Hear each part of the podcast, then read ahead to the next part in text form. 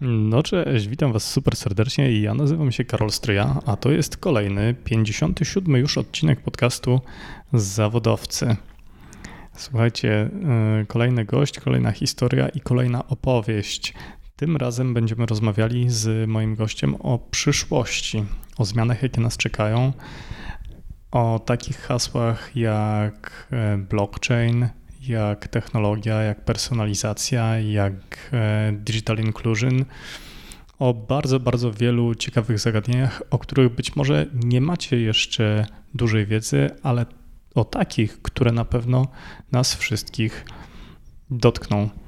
Moim gościem jest Sally Eves, która jest międzynarodową ekspertką w dziedzinie wdrażania nowych technologii, właśnie blockchainu, sztucznej inteligencji, a także jest ekspertem od przeprowadzania transformacji cyfrowej w organizacjach.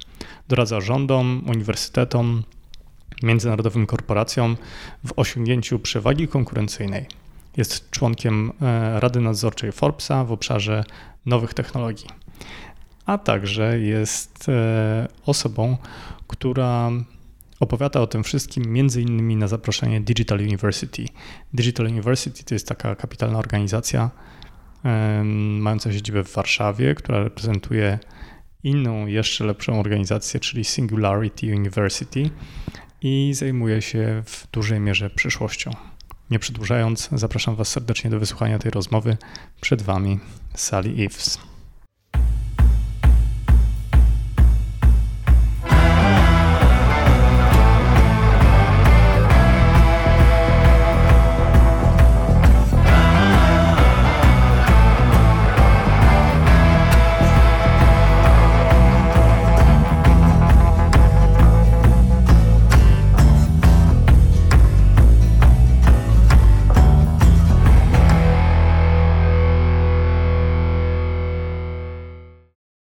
So, first of all, Sally, huge pleasure to meet you. And likewise, been a fantastic day. So, yeah, lovely way to end the day off. Which time in Poland is it right now? Um, what time of day? No, no, no, no, no, no. well, uh, My second visit. Your second visit. My second visit. How do you like yes. our country? I love it. Absolutely love it. And third time's a charm as well because I'm back next week, ironically. So yeah, really looking forward to that. Perfect. Uh, Sally, could you please give us some background information, uh, five cents about who you are and how did it happen that you do what you do? Okay, so I'm a very curious person. I'm very passionate and I'm kind of driven by values and how we can make change happen. I see technology and education as the two key pillars to deliver real lasting change in the world. And yes, I very much care about how we can make things better for people, how we can break down barriers, and how we can open up access to opportunities. So I've kind of brought together my education background um, and my experience as a CTO and like professorship around blockchain and AI, and enhancing that to look at how we can achieve social impact. So things like the UN Sustainable Development Goals, how we can look at some of these really difficult problems that we have, look at them positively, and use technology as an enabler.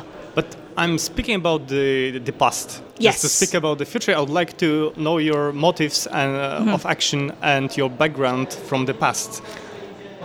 Okay, absolutely good question. Good question. So, uh, my background, I think, I think I had I had quite a challenging route in order to get to where I got in terms of education. So, I've done things via different routes. So, um, for, for, for reasons around some family situation, I couldn't do a normal undergraduate degree, for example. Then I ended up doing an MSc later via distance learning, and I've been involved in community education. Then I went on to do a PhD by published works. But I know what it's like to kind of have to break down barriers a little bit and do things very pragmatically and just be really driven to make stuff happen. So I massively care about education and I've done a lot of community projects and can really saw the difference it can make in terms of transforming lives. So I've done like a project like a school in India in a slum area. I've done something similar in Mexico and basically it's the base of a mountain where you had these problems of like gang and drug use and people were leaving school. But if you partnered up with a local uh, local firm, brought some infrastructure in and brought things like art and creativity together, you gave people a new outlook, something outside of the normal school day. So so I you're- love different ways of making things happen. So You're yeah. working with NGOs. Yes, yes, absolutely, yeah. I think, and I, I'm a very big believer of bringing together, you know, rather than having silos of activity, we need things like civil society and NGOs working together with local business, with local government, and that's the way to make change happen and to make it scale, rather than just having pockets of change. Okay. Uh, well, let's let's try to play a little bit. Okay. Okay, good. Because uh, I, when, when I'm looking at the world right now Yep. and compare it to the world 10 years ago, Yes. it's completely different. Indeed, absolutely, absolutely. So. I mean, social media technology, so so fastly merging oh technology. gosh, absolutely, absolutely. And how about um, a time trip Mm-hmm. in 10 or 15 years? Okay, okay. So from the social media question, um, first of all, into where I see that, I'm, I'm a big advocate of social media, but used in a particular way. Uh, I think it's powerful for building community, um, for building interest around shared values, and for getting messages out there to people who wouldn't normally necessarily receive it, and connecting those people together. So I really want a bit of a sea change in the opinion on, social media, and I'm a big advocate about how we can use it for good and how we can use it alongside emergent tech. So I'm hoping, and I'm really trying to push this forward myself, that in 10 to 15 years' time, there'll be a different perspective about what social media is and what it's for and how it's actually used. So that's kind of my first point there. Um, and then around tech change, obviously we've never had a faster rate of change than we've had now. It, it's uh, it's incredibly dynamic. Um, it's hard for anybody to predict exactly where we're going to be, but I'm seeing innovation catalyzed by integration. So for me, probably the big four will be AI, blockchain, IoT, and big data analytics together. And I think that is a powerful combination to catalyze innovation. So it's a question of what's the purpose and intent that's used for. Uh, Sure. Uh, this is a big view. Yes. And how would you describe the uh, ordinary people lives? um, more personalization will be one of the key things. We're already seeing that now in terms of personalization of products and services and you know more convenience. And I think what we're going to be even further pushing the envelope with that in a few years' time, um, so that I like to think we're going to have more value in our working lives that we can put towards other things. So a lot of the more mundane, routine aspects of our work um, will be taken over more by AI, for example, and that frees up new time to really look at values again and what we can do with that more meaningful work. I think that's quite exciting. And also a rise of new jobs, because a lot of the time people think about 15 years ahead, jobs that will be lost and things that will be taken away. But I, I think if we've got looking at all the research and certainly looking at my practical experience, we're going to see a lot of new jobs that are created through this new technology as well. Um, so I'm excited to see where we go with that, with this, this, this new jobs and the new skills that people need for this future. So I've got a foundation that I've set up called Aspirational Futures, and as part of that, that's all about these skills for life. Um, and I think STEAM learning is the very heart of this 15 years ahead. And we need to be looking at that now because we need holistic skills. You know, we need creativity alongside tech. Um, they can't be in isolation. So yeah, that's a real passion area of mine. Well, so the times when you could learn something and forget about Mm. the learning for the rest of the life are over. it's continual learning. That's that's we're, we're learning and unlearning as well. So Yeah. there, you know we need to be continually adapting. It's all about agility. Yeah. Um, and f- for me, we need to make sure that skills are around things like problem solving, critical thinking, emotional intelligence. It's all about being holistic Yeah. and being ready and prepared for the change that will become because we can't predict everything. But if we're in the right place in terms of you know our attitude and our ability to learn and that flexibility to continually adapt, we're in a far better place to be able to adapt to the change and, and get ahead of it. You know, and work with it Sure. rather than being scared of it. Uh, there are some buzzwords uh, in the media right now. Mm-hmm. Oh, so there's quite a few. Can you concentrate on uh, on that because I think that not everybody understands perfectly what does, for example, blockchain mean or Mm-hmm. Absolutely. what uh, what does AI. They know what does AI stand for, but Yes. what does really uh, mean for for people. So let's start from the blockchain, shall we? Okay, well, I might be able to give an example that puts the two of them together, which might be quite a useful one. But you're absolutely right. There's there's a lot of hype out there. Yep. There's sometimes quite a lot of hope, um, and, and conversely, there can be quite a lot of fear. And I think it's important to really give people tangible examples, Sure. make it accessible. Because, you know, yeah. Uh, in my opinion, people, uh, for example, shooting blockchain, Yep. they would definitely go with uh, with Bitcoin. Yes. Yeah. And absolutely. Bitcoin is only the the, the small part of the. Uh, uh, It, it, it certainly is. You're, you're absolutely right. I think there's a complete conflation um, in mainstream media between cryptocurrency and blockchain, and crypto is just one application that is underpinned by blockchain technology. so, But so uh, how would you describe it? So blockchain, I would say, I think database is the best metaphor we've got. Um, so it's a way of storing something of value digitally and also exchanging that value in a safe way. Um, and it takes away the need for a third-party intermediary. That's the biggest difference. So we're embedding trust back into transactions, basically. And you, you mentioned one thing that is very uh, crucial and interesting for me. So the third party. Yes, absolutely. How do you think? What kind of third parties will die? Very good question. I think some of them will die, but I think overall it's more of a question of adaptation. But there are traditional industries that rely on third-party verification. So some things around legal matters, for example, and around anything that needs audit. That's the key area, and things around some things around financial services and guaranteeing transactions. So areas like that will be greatly affected. But there's a lot of dynamic work going on in that area, and I think we're going to see um, blockchain being embedded into some of these existing systems. Sure. Well, let's look at the banking mm. system. Mm. Well, uh, the, the times where the money were uh, combined with the uh, value uh, in the gold yes. are far oh, behind absolutely, us. Absolutely, absolutely. So, do you think that the banks will uh, will disappear in some time? No, I think they'll evolve.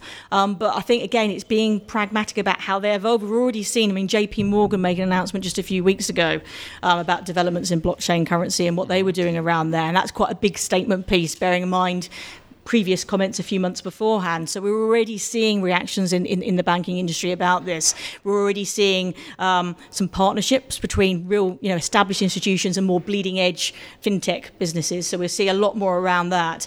Um, but also, I think in the high streets are changing. They've been changing for the last five years, and I think we'll see a reinvention of kind of the physical space where banks once stood in terms of more co-working spaces and you know developing entrepreneurial talent in cities rather than disappearing altogether. I mean we're already seeing a lot of banks go in terms of physical places where people go in and meet someone and make a transaction in person. Um, but I think there's starting to be a little bit of a pushback on that because we need the personal interaction as well. So I think it's quite dynamic times for banking. Well, you know, this uh, this matter of making transaction is very mm. interesting to me because mm. uh, you know when looking at the money yes. and the banknote, mm-hmm. what, what the banknote is. Yes, yes. It's indeed. only the matter of trust Absolutely, between you exactly. and me. It's back to that word. Absolutely, yeah. yes. It, yeah. it, doesn't have any value. Uh, indeed, It is indeed. only the, ma- the matter of our agreement that this piece of paper has a value. Absolutely, absolutely. It's consensus. Key exactly. word of blockchain again. Yeah. Absolutely. And blockchain changes it. Yeah, indeed. Yeah. Okay, the next thing, the AI, please. Yes, okay. So AI for me, the biggest benefit of that is from an everyday point of view, it's giving us convenience, it's personalizing our services, it's, it's helping us find things easier um, and taking some of the effort away. So a lot of the routine tasks that we would normally do, AI can do for us. But um, in terms of technical point of view, we're only in a narrow AI at the moment. We're not in, you know, a lot of a lot of the stories out there around AI kind of taking over and, and having that supreme intelligence. We're, we're not at that point whatsoever at the moment. So there's a lot of scare stuff out there that kind of comes from sci-fi language and things like that. But where we are at the moment, and certainly for the next few years, it's about personalization, it's about convenience, and it's about supporting us making informed decisions. And I think there's some really exciting opportunities around blockchain and AI together. I think healthcare space particularly is one that will drive that. So as an example, if we look at things like personalised medicine, so help, helping us um, have improved diagnostics, but also be informed about, for example, diseases we could be at risk at, how we can make lifestyle choices, that kind of thing.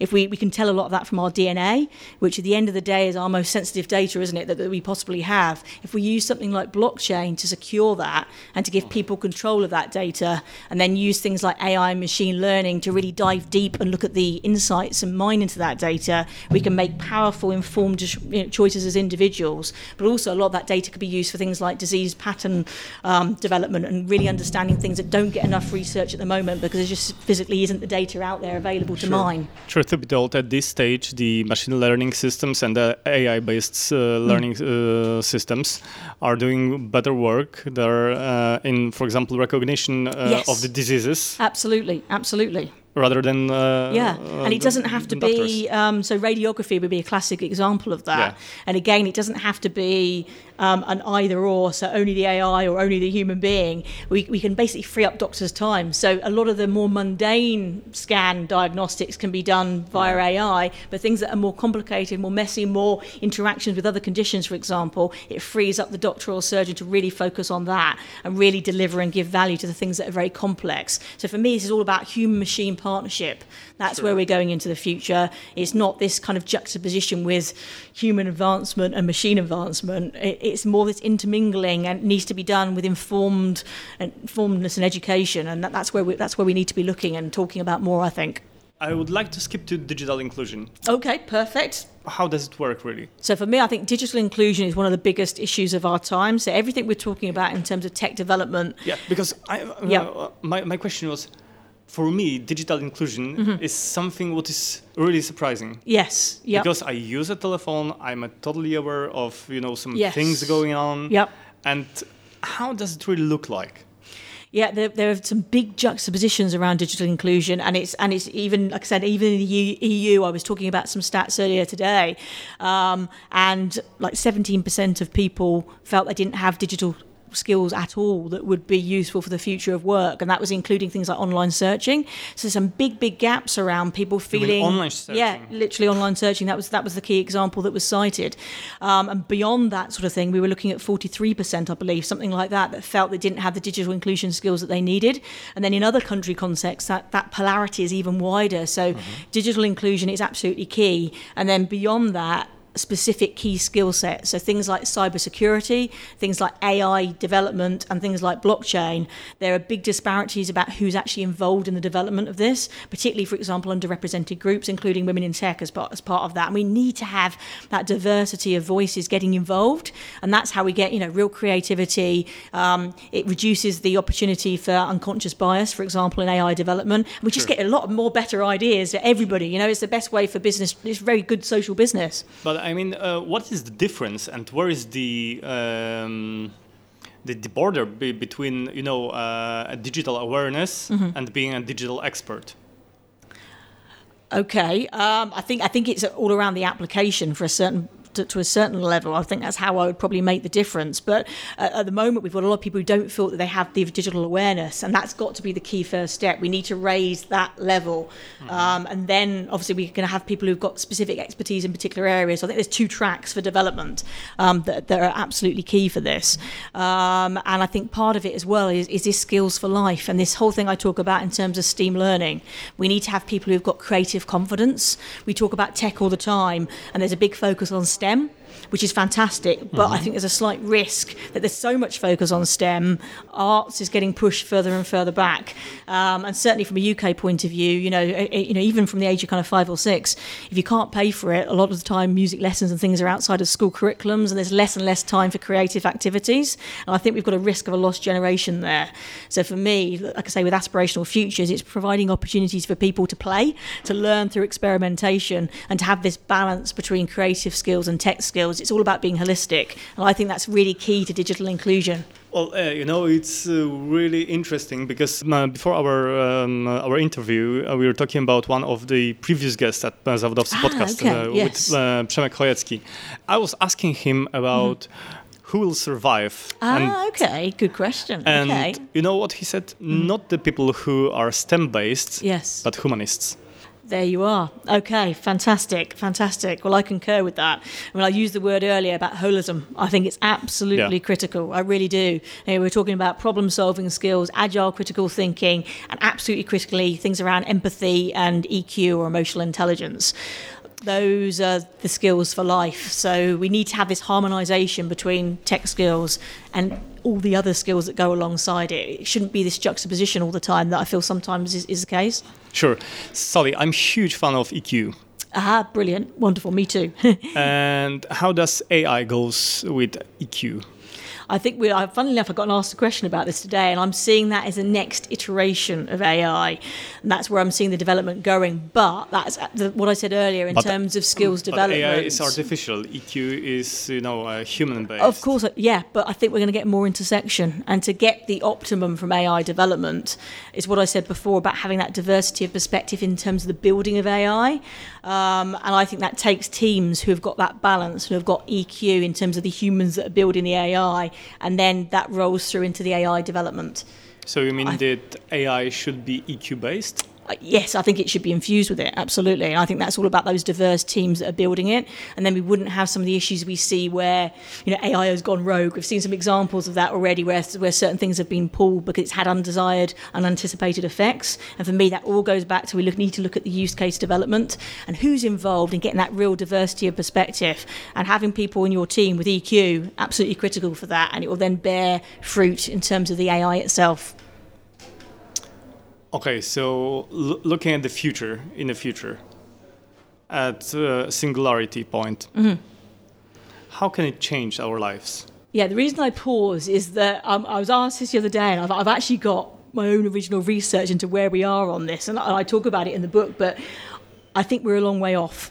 Is my honest answer to that, and I think we need to be focusing more on what we need to get right now, rather than going straight towards singularity. Uh-huh. Oh, like it. that's that's my I really like that's my personal view. We need to be focusing on that and getting things right now because, like I say, some of these gaps I was talking about are getting wider. Um, so for me, that focus is on, is on getting this right now. I think there's a real optimum time for change, and I kind of want to be front and center of making that happen. I like it. Let's let's stay with that. okay, uh, Sally. Next question and next area of uh, my interest is the voice. Okay. Yes. Uh, I mean, a voice, uh, Google, Google Assistance, Mm-hmm. Yes, uh, Amazon Alexa, yes. uh, you know, all the all Absolutely. Mm-hmm. the services connected with our voice and interaction Absolutely. uh, yes. and interface evolution. Indeed. Indeed. Do you have any specific, uh, you know, thoughts about it? Yeah, I'm very excited about that, and particularly, um, I think one thing that we haven't talked about is how tech can be very instrumental in things like, for example, loneliness. I've seen some fantastic examples taking forward voice, um, but using it, for example, in old people's homes and supporting some of the isolation that can happen and having that engagement and interaction and developing of a relationship. Uh, I'm very excited about that. I'm going out um, to Japan later on in the year on a specific project on that on that area and super super exciting. As i say i've got some research case studies on this as well so it's something i'm very heavily involved in. So for me that's a next evolution of, of voice. Yes we've got some exciting things that are happening now very much becoming part of nearly everybody's everyday in terms of how we wake up in the morning and what you know there was a joke say um, earlier today about we don't look out the window anymore we, we are siri. But um, i think more fundamentally we can use this in a very different way and tackle some some big issues. Um, and for me this, this project around elderly and isolation i think is a key one. And also diagnostics in the home and um, having that conversation and making it feel more human um, again getting that balance right between optimum care you know, inside a, a hospital environment, and staying, being able to stay in your own home, and making that a, a actually relationship and learning and growing along, along through that process. I think we've got some exciting things to happen there. Well, you know what excites me the, the most about Hmm. the voice? It's, just, it's that uh, technology becomes invisible. Mm, indeed, indeed. And that's yeah, absolutely. I agree with that. But because you are interacting with technology in the most common way. Absolutely, it's uh, part of the everyday, as I would call it. So yeah, it's, it's embedded in our everyday lives. We don't think of it anymore. I agree. I agree with it. It's a bit like when you said about blockchain earlier. Yep. In a few years' time, that word, I think, will almost disappear to a certain extent because it will be em- so embedded in the infrastructure of, of certain things that we're, we're building here. So things happen over a period of time, and it becomes part of our common parlance, or or the language changes and evolves into something else. But you're right, it almost disappears because it's embedded. Mm-hmm. Do you feel safe using internet?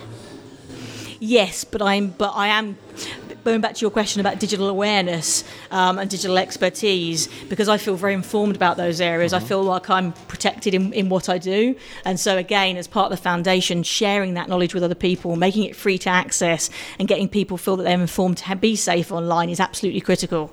Um, because otherwise, people, you know, there are there are risks, and we are getting more and more uh, cyber attacks, and that's been increasing month on month. We've seen a lot of um, information about that, and people do quite understandably feel fearful. So again, if we can get quality information out there about how to protect yourself and how to stay safe and what to look out for, again, it's all about this education and awareness for everything around technology. If we get that pillar right about getting the message out to the right people um, and making it very cross-sectoral, involving people in these conversations, it's, it's critical to everything. I got the one question Go on then. Who runs the world? Who runs the world? That's a very good. Uh, um, well, for, I've got this big ethos about collaboration, as you know. Um, I, I talk about it a lot, um, and I I think change happens when we're a collective. Um, I want to build a contagion of in, impact. I, I've said this before. I want to build this big legacy of change around social impact. So when we say who runs the world, it's in our own hands. Everything around, even as I said this afternoon, AI development is it's all in our own hands at the moment. We have the control. It's how we choose to use it. And for me, that's all around this collaboration ethos. Um, and it's taking responsibility about where we want to go and how we want to intend to use technology. So for me, it's all around that collaboration and co-creation. I'd like to be a little bit more pessimistic and you know try to okay. uh, to uh, uh, get in some discourse with uh, uh, with you. And how about corporation? Okay.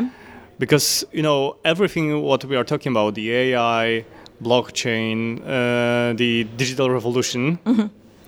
is mainly sponsored by corporations and who owns the data Okay, good point. Um, but for, but for me, I would probably turn that on its head. So my interest and why I got into blockchain in particular is because I see that as the biggest democratization opportunity for data, and it brings ownership back and it gives control back to the individual. So I would turn it on its head. I'd also say that a lot of the biggest innovation has come from a lot of bleeding edge startups, very much with a um, come from like the open data background, um, who are very interested in social change. So I don't think it's all being coming from from big business, but big business is certainly getting far more involved in it now. You're absolutely right. So there, there will be, I mean, the whole thing about blockchain and control versus democratization is the biggest tension that there is. Um, so it's all about balance here. But for me, we, we have to have these conversations. We can't, there's too much silos. There's always too much silos of activities, whether it's sectors or different types of organizations, which is why, as you've probably seen, I travel an awful lot and I do different types of events and I mix with different types of audiences, all because I think we need this intersection. Um, and I would also say, um, in challenge to what you said about big business, I'm seeing a lot of transition happening. Um, so, you know, um, what was previously called CSR. Um, and I'm going to use a terrible blockchain pun here, but um, it can be a bit tokenistic at times. So that's a terrible blockchain pun of the day. But anyway, um, but but uh, but I'm seeing a real change. I think I'm, I did a big. I've been just been at, South by or South by Southwest in Austin. I did a big half day workshop with with a big organisation that wanted to look at how to do social impact and like CSR done right, you know. And we, we it was one of the best events I've ever done. Real full of energy, lots of people coming together, and a big focus on action action, not just talking about it, which is equally as important. But I'm seeing this more and more. Um, big business is recognizing that people want to do to work with companies, whether it's as an employee or to buy products or services or whatever it might be, with an organisation that has a values alignment. We don't want to have there's not this big distinction on our personal life and our professional life. We want it to more to come together, and certainly in Generation Z, we're seeing more people leaving organisations because they don't feel the purpose matches their own. And I think big business is seeing that and is looking to transition. So um, that's why I like to work with all different types of organisations because I think there's a real opportunity here to help make this happen and help people transition and do things differently. And are you positive about the future? Yes, because I, I, I, am, you know, I, I, think I'm a realistic person. I'm very pragmatic, but I'm definitely optimistic. And I, am very much in, you know, how can we, if there are challenges out there, how can we look at ways to make it different? So rather than be negative about it, let's find ways to harness, like for me, I say, the two big pillars of tech and education. How can we find ways to harness them together to break down some of these barriers? And so, yeah, I'm very much in the positive camp. And do you think that the internet is free? Increasingly so, but not consistently. I would agree with you; it's not consistently. And there, you know, there are some parts in the world where you can't get. I mean, um, Cambridge Analytica. Yeah, yeah, absolutely. But but also there are certain parts of the world where you haven't got free access to, you know, unfiltered news, for example. Yeah. You're only seeing a certain perspective on the world. So there's far more work to do, absolutely. But we have to engage with different parties to help make that change happen. We need to, mm-hmm. you know, um, if we make people aware about what is going on, we can, you know, the more we can do that as a collective and, and call that out, the more we can start to build to build change and make it happen. We because can't just close you know, keep a blind eye to it, but it's ways of dealing with that. And I think we can do that in a positive lead by example way rather than a overly critical and do you, do you see what I mean? I think it's all about how we engage with, mm-hmm. with whether it's people, organisations, countries, governments. I think it's about this intersection and de- finding ways to make things happen with a bit of pragmatism, but also with this, you know, I, I think that, that personally that's a stance I find quite effective. Try and get people really engaged in something, you know, and curious. Yeah, curious. Absolutely, I one of my favourite words. Yeah. Absolutely, one of my favourite uh, words. That was yeah. what, what, I was about to say. Just that curiosity. Mm is the variable uh, variable of success absolutely. in making uh, in, you know getting out of the information bubble. Absolutely i could not agree more. Absolutely. Curiosity i think holism as i said before i think is a very key concept action everything. It's, it's the heart of what i do. Um, and like i said this cross-sector dialogue i think is massively important too. We need to make things accessible and we need to talk to all different parties not just one thing on its own. You know i see so many projects sometimes that, that are fantastic and doing great work but even within a city, it can be duplicated and people just don't know sure, that they're sure. there. Um, so the more we can do things together, I'm all about scale and making it sustainable scale. And that's that's by kind of my mission for this year at the moment. It's kind of in my head. It's called Operation uh-huh. Integration, but it's it's making these things happen. And you know, I've got these global projects I've been doing for the last eight or nine years around using tech for impact, and I've now put it under the new umbrella of aspirational futures. And that's all about because I just want to get that contagion of people that are curious about it, want to be in part of it, um, and not just inspired to do things differently, but have a pathway to actually do it. You know, and because uh, I think that's massively important too. Because it's great to you know go to an event or listen to someone speak and get inspired and curious, but then you need to have the follow up. You need to have, have a way to action it, get involved. Otherwise, that gets lost, well, and that's a, the biggest the pity in the world. Yeah, with motivational speakers oh, and absolutely. you know this motivational yes. events. Yeah, you yeah. go there, you get pumped. You yeah. know, you can uh, run the world uh, ab- a day abs- after that. Yeah, absolutely. So we You're need to have these. Yeah, it's, it's, so yeah, we need to harness that because it's such a powerful thing. Um, but we need to have that. You know, that that men- mentoring I think is important part of this as well. But it's these key pathways or conduits to really get involved uh, and feel that you are making a difference, and also measuring it as well. I think that can be mm. really vital for social impact, um, and that also encourages people to get involved. And again, contagion is my key word: curiosity, collaboration, and contagion. There you go. My three like C's it. for the day. There you go. Like okay, so um, uh, Sally. Um, the last question, uh, because you are going to be here in Poland in a couple of weeks. I am indeed. Yeah, looking forward to. it. In fact, next week, next week, as soon as that, absolutely, I'm back again. Great. What are your plans? Okay, so I'm going to be speaking and also running a workshop for three days with the Digital University, and that's all Great. around harnessing emergent tech uh, for business advantage. Um, so really exciting. Lots of case studies, lots of like real world tangibles, um, and helping people get a you know personalised strategy for their own development, but also for their organisation and also running through that there's a big focus focus on social business and how we can you know make business transformation happen but it doesn't have to be the expense of social transformation we can actually bring these things together which again I think is quite a key point I think sometimes we think we can only do good business or good social impact yeah. I don't think we have to have that juxtaposition at all. There's ways to bring these things together, and I'm going to showcase some examples of that too. Speaking so, about the examples, can you give uh, the uh, the last thing the the the example of the digital uh, transformation case uh, that impresses you the most in in the last year? Okay, so one example I'll give um, is from Dell Technologies, um, and it's around sustainable and circular economy. And it's a great practical example of how you can transform an area of your existing business, make it more efficient, but make one heck of a difference for society as well. So, as an example, in their supply chain, they've partnered with a bleeding edge organization called Chakr Innovation in India, um, harnessing the soot and things from diesel um, generators, and rather than it going into the atmosphere, using it to make ink and paper paint for, for recyclable, sustainable packaging, using it for, for that, but also things like extracting minerals and gold from motherboards, making it into recyclable jewelry, and using that as a fundraising vehicle as well. There's multiple aspects of like that, but it's very practical. There's also one about ocean plastics and stopping it from getting into the ocean in the first place. But it's something, you know, with existing business models, if we're pragmatic about it and have that will to make a difference, we can find ways to disrupt the business, you know, make it more efficient and, and save the business money. Fantastic but also make a big, big change in terms of climate or environment. And a great example also of supporting a bleeding edge startup and helping them to develop as well. So everybody wins in that circumstance. So we need more partnerships like that. Sally, it was a huge pleasure to meet you. Thank you very much. Likewise, an absolute joy. Thank you. Yeah. Ladies and gentlemen, Sally Eaves. Thank you. Thanks, Thank you everyone. Bye. Słuchajcie, super wielkie dzięki za e, uwagę. Dziękuję bardzo, że wytrwaliście do końca tej rozmowy.